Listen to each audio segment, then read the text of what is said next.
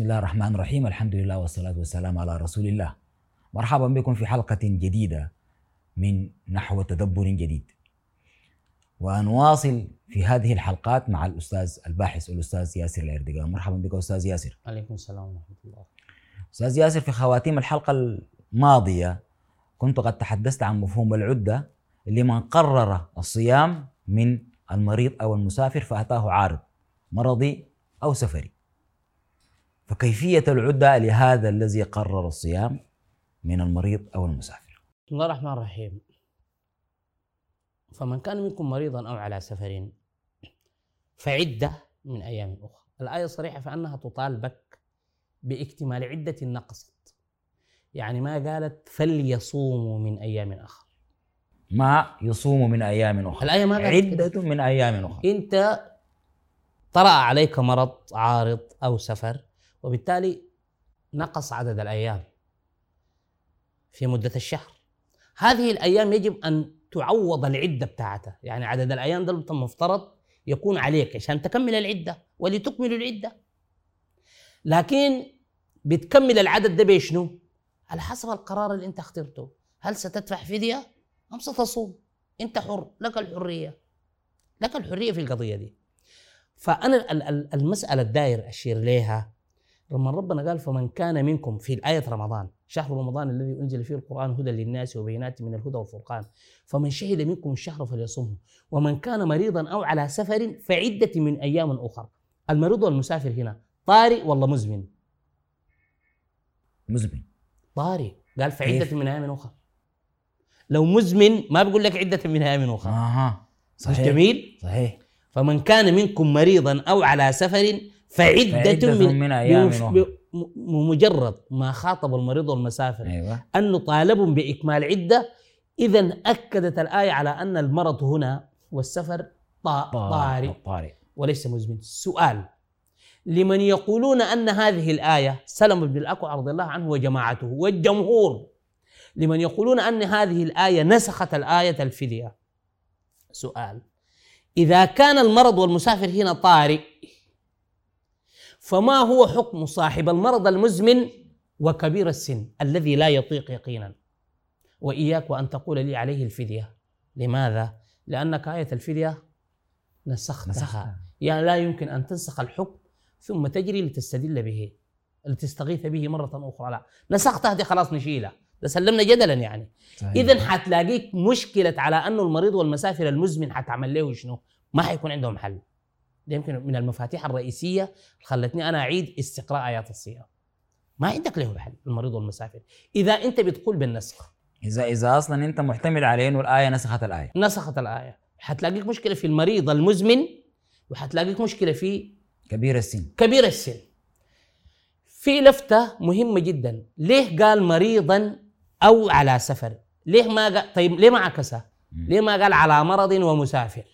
وليه ما قال على مرض وعلى سفر؟ وليه ما قال مريض ومسافر؟ مسافر مع بعض. ومن كان منكم مريضا أو أو على سفر. ليه ما قال أو مسافرا؟ انتبه. أو مسافر. ليس مريضاً ومسافر ليس كل مريض على مرض وليس كل مسافر على سفر. اذا الناس اللي ادوهم الرخصة ما المسافر. يعني ممكن تكون من هنا ماشي نيويورك وما مسافر. كيف؟ كده مزيد من التوضيح الأستاذ وممكن تكون من هنا ماشي آه، أقول لك وين؟ مم. ممكن تكون عندنا امثل لك بالسودان لأنه القاهرة هنا طبعا ما شاء الله البلد عامرة. مم. ممكن تكون ماشي من مبدس السبيل سوق ليبيا. ماشي لحد الحاج يوسف تكون على سفر. القضية ما عندها علاقة بعدد الكيلومترات. تتحدث عن وعثاء السفر معاناتك من السفر. لذلك لما الفقهاء في العهد السابق مش قالوا شنو؟ 82 82 كيلو. كيلو أيوه. قالوا 82 كيلو السفر يوم وليلة. ك- مقياسهم كان شنو؟ في السفر وسيلة السفر آنذاك الدابة. دابة. البعير أو الحصان أو الحمار أو البغل. ما, ما في غيره يعني. صحيح. فبالتالي أنت فعلا إذا مسافر على دابة لمدة 82 كيلو حتعاني. كانت منطقية لكن وين الغباء اللي بيخلي الناس لحد هسه ماسكين لي في 82 كيلو؟ 82 كيلو انت راكب عربية برادو. عربية برادو آخر موديل مكندشة مكيف. مكيفة. 82 تقطعها في كم زمن؟ أقل من نص ساعة. يعني نص ساعة. وأنت راكب في عربية تبيح لك الفطر؟ لا. فعلا تكون مسافر لكن لست على سفر.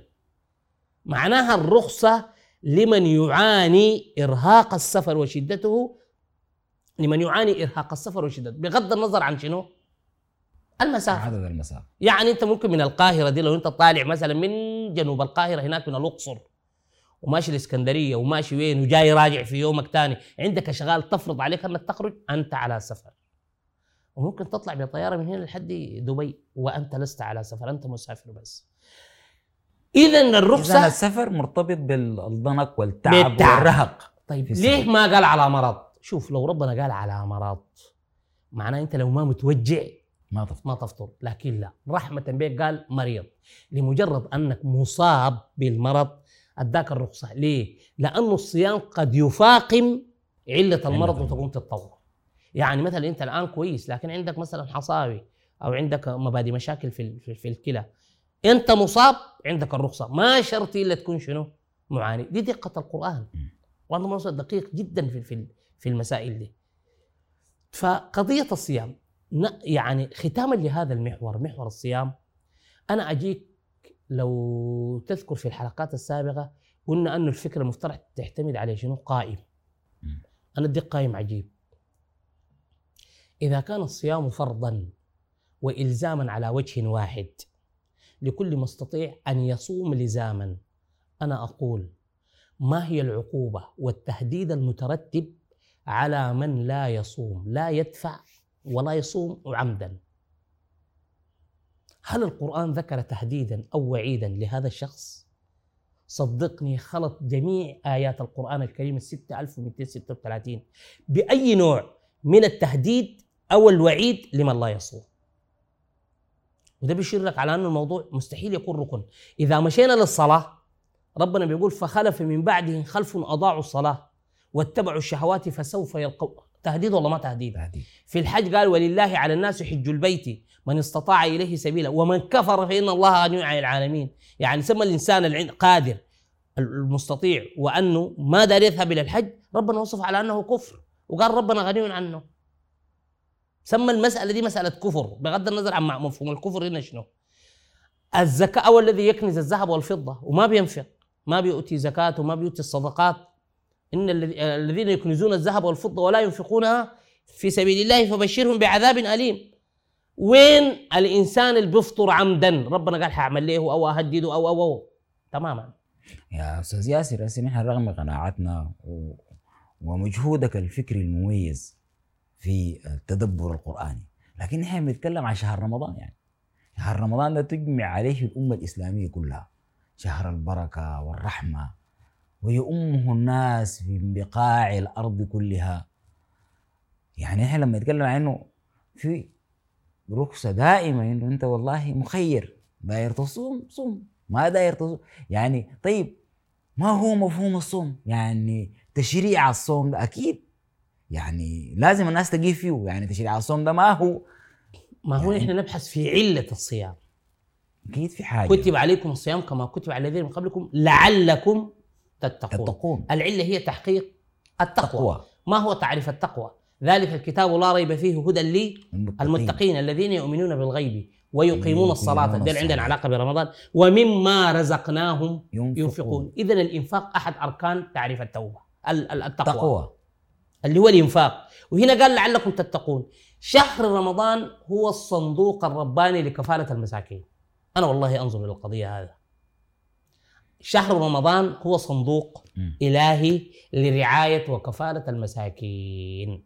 يعني اعرف لنا كده الصندوق ده بشكل أوضح كده. الفدية. وعلى الذين يطيقونه فدية طعام مسكين. أنت ما عندك ما قادر تدفع الفدية عشان تحصل نفس القيمة في الأجر. عليك أنك شنو؟ تصوم. عشان ما يكون على الأغنياء بس. عشان ما يكون على الأغنياء. يبقى الشخص اللي إذا عنده أموال وعنده و- ومشاكل دارية باشرة في المجتمع دفع الفدية طعام مسكين عن كل يوم وراحت للفقير. الما عنده صام وإن تصوموا خير لكم وحس بهذه القيمة استش... استشعر, استشعر القيمة قيمة. استشعر القيمة هنا. لكن هو إلزام على وجه واحد كما. يقع الآن أنت. بطل شغلك. وإذا عندك شغل أصلا عندنا في في, في الذهب هناك في التعدين الأهلي في السودان. لما نجي رمضان ده خلاص الأمور دي بتبوظ يعني. أي زول بيقفل وبيمشي. ويشتري مكيفين ومكيفك وانت قاعد من الصباح يا لحظة انت قاعد من الصباح ونايم في المكيف وما داير تطلع وعندك أشغال كثير ما داير تمشي بحجة أنك صايم لحد المغرب. المغرب تعال شوف هاك أكل ومشروبات وشاي. في شنو يعني؟ القضية دي ليش شنو؟ ربنا يستفيد من شنو؟ من من من, من أنت من بطح أو معلش إحنا في مكيف وممكن المسكين جارك أنت ما ت... والله أنا أذكر قصة والمفترض ما أقولها هنا. حصلت في القرية اللي عندنا هناك. أنه في في امرأة نحن طبعا بنعمل ال- ال- ال- اللي بيسموها شنو؟ الحمص أو البليلة ال- ال- اللي بتتاكل في. المغرب. أيوه. بتدفن خارج المنزل طبعا. صحيح. بنظام كده معين.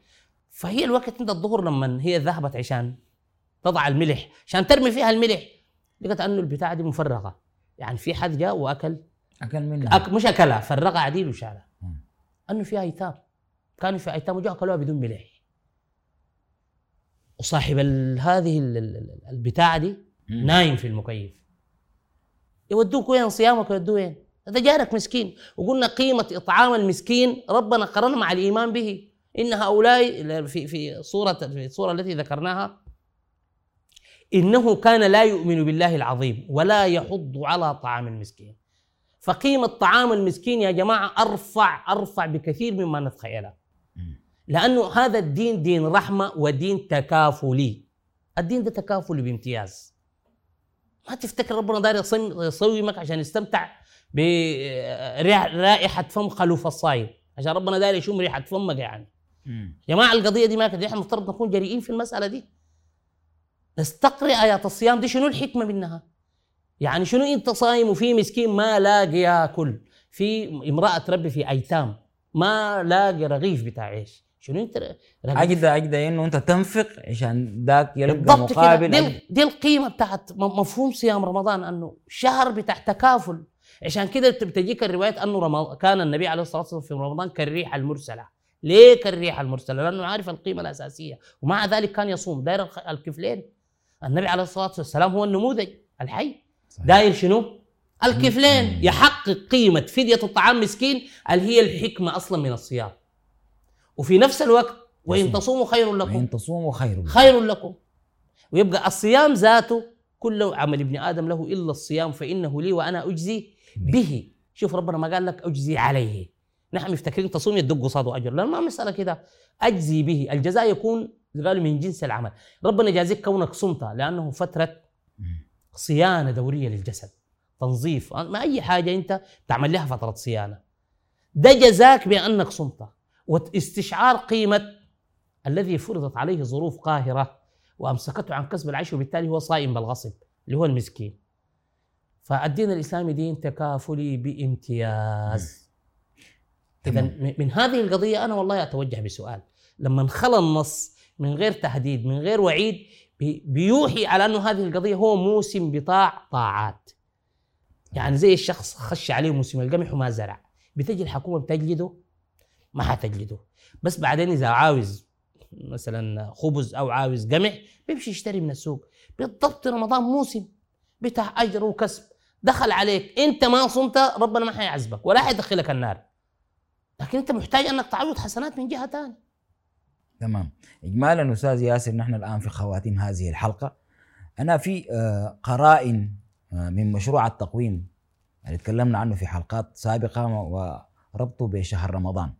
ومفهوم ليلة القدر يعني هذه المفاهيم الثلاثة إحنا دايرين شوية كده آه، نستنطقك فيها في الحلقة القادمة بالنسبة لمواعيد شهر رمضان آه تقريبا إحنا تكلمنا فيها عندما في, خواتيم قضية التقويم وأنه لأنه رمضان عنده تعلقات بثبات التقويم.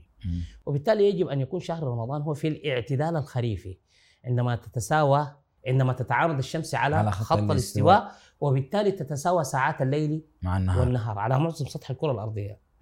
يعني ما رمضان اللافي الهسي ده ده ليله, هسي رمضان طائش. ليلة القدر. أيوه. ها، ليلة القدر دي قضية نحن والله ما ال- ال- الصفع على الناس يعني. لكن ليلة القدر. وما قدر الله حق قدره. قدره. هي هي الليل الليلة التي تحقق فيها هذه المرتبة. انك تحاول أن تقدر الله حق قدري قدره لأنه ما قال ليلة القدر. ليلة القدر. في فرق بين القدر القدر. وفي فريق إن كل شيء خلقناه بقدر, بقدر. ما قال بقدر. وهنا قال ليلة القدر. وما قدر الله حق قدره. ليلة القدر الصراحة ما بس هي ما بالمفهوم ده. الناس تنتظرها مرة في الصيف ومرة في الشتاء. وأنه وكمان بعض الحكايات القديمة وهي نوع من الأساطير أنه ترى الشجر ما عارف ساجد وترى الجبال ساجد وترى البنايات خير كده ليلة القدر أنا آه، أعتقد أنها متعلقة بالحس الإيماني والشعور الإيماني للشخص. اللي هو عندما يرتقي ويصل مرحلة يحاول أن يقدر الله فيها حق قدره. وفيها تفصيلات كثيرة. طيب هل هي ليلة بال- بال- بالمعنى المفهوم ده؟ وهي في شهر رمضان؟ والله هي الليلة الوحيدة نزل فيها القرآن وخلاص ما بتتكرر. ده مبحث ممكن أقول لك لسه ما اكتملت فيه الصورة يعني. إذن فسابق لهوان إن شاء الله. شاكرين ومقدرين حضورك أستاذ ياسر. آه، المشاهدين الكرام نتمنى لكم طيب المشاهدة. حلقات شيقة وأنا صراحة أستمتع جدا وأنا أستنطق فيها أستاذي ياسر. نتمنى لكم مشاهدة طيبة لبرنامجنا نحو تدبر جديد. حتى جديد اللقاء لكم خالص الود وأجل التقدير.